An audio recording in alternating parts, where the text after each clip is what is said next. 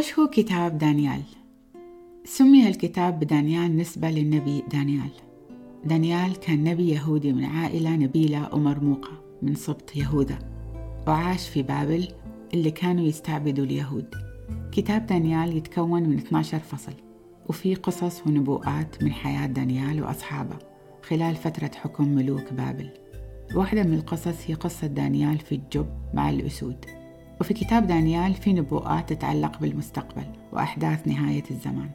كتاب دانيال يعتبر من الكتب المهمة في الكتاب المقدس ويتميز برسالته حول الإيمان والصبر والتوقعات المستقبلية ويعتبر مصدر للدروس والعبر عند اليهود والمسيحيين.